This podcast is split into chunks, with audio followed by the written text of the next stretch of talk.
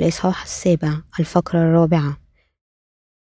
نحن يمكن أن ندخل السماء فقط عندما نعرف إرادة الآب ونثق به. متى الإصحاح السابع؟ الآية الحادية والعشرون إلى السابعة والعشرون. ليس كل من يقول لي يا رب يا رب يدخل ملكوت السماوات بل الذي يفعل إرادة أبي الذي في السماوات. كثيرون سيقولون لي في ذلك اليوم يا رب يا رب أليس باسمك تنبأنا؟ وباسمك أخرجنا شياطين وباسمك صنعنا قوات. فحينئذ أصرح لهم أني لم أعرفكم قط. اذهبي عنه اذهبوا عني يا فاعلي الاسم. كل من يسمع أقوالي ويعمل بها أشبهه برجل عاقل بنى بيته على الصخر. فنزل المطر وجاءت الأنهار وهبت الرياح ووقعت على ذلك البيت فلم يسقط لأنه كان مؤسسا على الصخر. وكل من يسمع أقوالي هذه ولا يعمل بها يشبه برجل جاهل بنى بيته على الرمل فنزل المطر وجاءت الأنهار وهبت الرياح وصدمت ذلك البيت فسقط وكان سقوطها عظيما. في الفقرة الكتابية بأعلى ربنا قال ليس كل من يقول لي يا رب يدخل ملكوت السماوات بل الذي يفعل إرادة أبي الذي في السماوات. الرب قال هنا أنه ليس كل من يدعي أنه يثق به يمكن أن يدخل السماء حيث هو ولكن فقط أولئك الذين يعملون إرادة الآب يمكن أن يدخلوا السماء. في يوم الدينونة الأخير عندما العديد من الذي قد وثق بيسوع يعترضون إليه ويقولون يا رب يا رب أليس باسمك تنبأنا؟ وأخرجنا شياطين وباسمك صنعنا قوات كثيرة. ربنا لا يمكن إلا أن يقول لهم إني لم أعرفكم قط اذهبوا عني يا فاعل الاسم. ربنا قال إلينا جميعا فكل من يسمع أقوالي ويعمل بها وشبهه برجل عاقل بنى بيته على الصخر فنزل المطر وجاءت الأنهار وهبت الرياح وقعت على ذلك البيت فلم يسقط لأنه كان مؤسسا على الصخر. وكل من يسمع أقوالي هذه ولا يعمل بها يشبه برجل جاهل بنى بيته على الرمل فنزل المطر وجاءت الأنهار وهبت الرياح. وصدمت ذلك البيت فسقط وكان سقوطها عظيما. متى الإصحاح السابع الآية الرابعة والعشرون إلى السابعة والعشرون؟ مثل هذا قال يسوع هنا بأن الذي يسمع كلمة ربنا ويثق بها ويطيعها هو مثل الرجل الحكيم الذي بنى بيت الإيمان على الصخرة بينما أولئك الذين لم يبنوه يرون إيمانهم ينهار. أولئك الذين يسمعون كلمة ربنا ويعيشون حياتهم بواسطة الإيمان مثل الرجل الذي بنى داره على الصخرة. هل تخلص من كل آثامك بواسطة الإيمان بكلمة الله؟ كلمة إنجيل الماء والروح أولئك الذين تخلصوا من أساميهم مرة للكل بواسطة الثقة بالإيمان والروح يعيشوا حياتهم بواسطة عمل إرادة الآب. بهذا الإيمان متأصلين في كلمة الله. مثل أولئك هؤلاء الناس ليسوا فقط ينشرون إنجيل الماء والروح إلى كل شخص خلال العالم لكنهم أيضا يحبوا أخوتهم حقا وأخواتهم في الإيمان.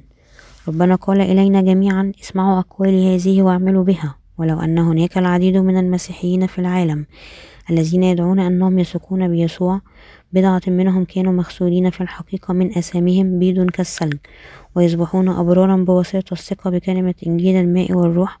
ومع هذا هناك ما زال الناس قد نالوا مغفرة الخطية بواسطة سماع والإيمان بإنجيل الماء والروح. لكن إذا الواحد يثق بإنجيل الماء والروح بقلبه هو يجب أن يبشر به للآخرين. ذلك لأنه لا ينشر بهذا الإنجيل في الحقيقة سيرى إيمانه ينهار. ولحد الآن هناك تماما بضعة الناس الذين يقولون فقط بشفاههم أنهم يثقون بإنجيل الماء والروح بينما في الحقيقة هم لا يثقون. مثل هؤلاء الناس يبشرون حتى عن إنجيل الباطل هو حقيقي. هم لا يمكن أن يبشروا مثل هذا لأنهم ما عندهم الإيمان الذي يثق بإنجيل الماء والروح ولكن نحن لا يمكن أن نبشر بأي إنجيل إلا إنجيل الماء والروح لأن هذا الإنجيل الوحيد هو الإنجيل الحقيقي. نحن يجب أن نثق بقوة الماء والروح. ربنا قال ليس كل من يقول لي يا رب يا رب يدخل ملكوت السماوات بل الذي يفعل إرادة أبي الذي في السماوات وبكلمات أخرى أولئك الذين يؤمنون حقا أن إنجيل الماء والروح هو الإنجيل الحقيقي. يشهدون إلى الآخر أولئك الذين لا ينشرون إنجيل الماء والروح إلى الآخرين. ما عندهم أي أعمال مستقيمة ولا يعملون إرادة الله الآب. ومن هنا هم سيرفضون بواسطة ربنا في النهاية. إيمانهم ينتهي محطما. ما هي أسباب أوجاع القلب للأبرار الذين تم خلاصهم؟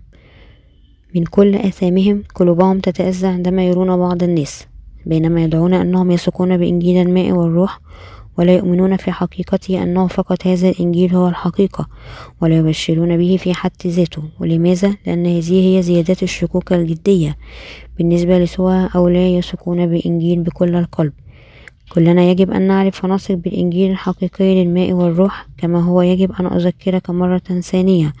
ما ربنا قال هنا أولئك الذين لا يثقون بقوة إنجيل الماء والروح.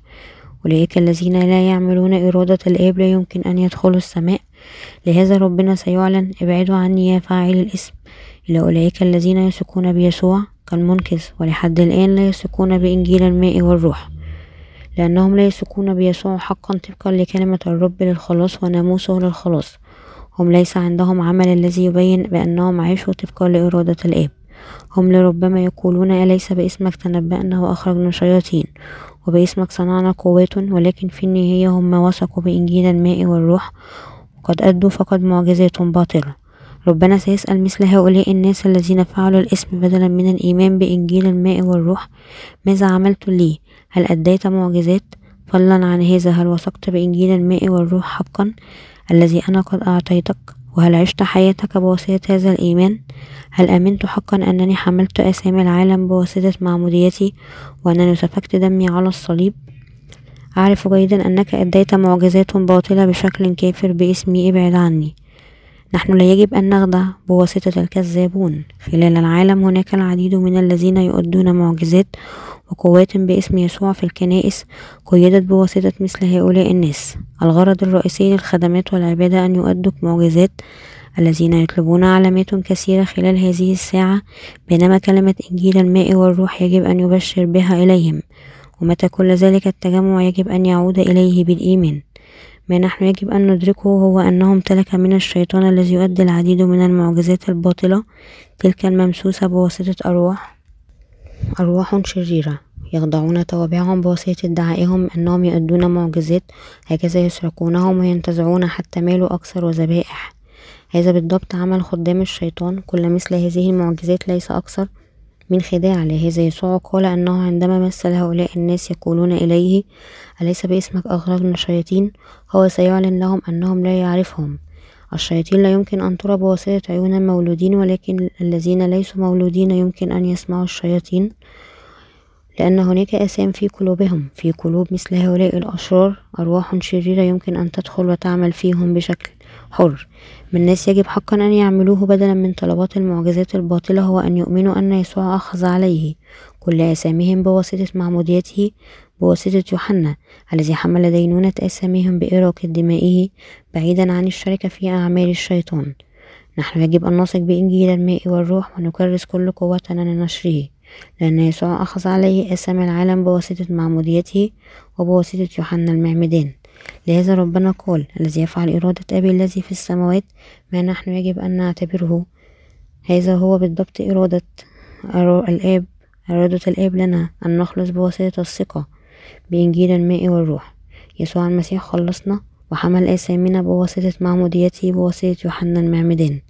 مثل هذا الإيمان هو الإيمان ذاته الذي يؤمن طبقا لإرادة الآب. إلهنا الآب طهر آثامنا بواسطة أن أرسل لنا ابنه وجعله يقبل آثام العالم بمعموديته وسفك دمه على الصليب. عندما نثق بهذه الحقيقة يمكن أن نغسل من أثامنا وندخل ملكوت الله السرمدي لنعيش بسرور. نحن المستقيمين سنعيش هناك جملة بسرور إلى الأبد. الرب خلصنا من أثامنا بإنجيل الماء والروح.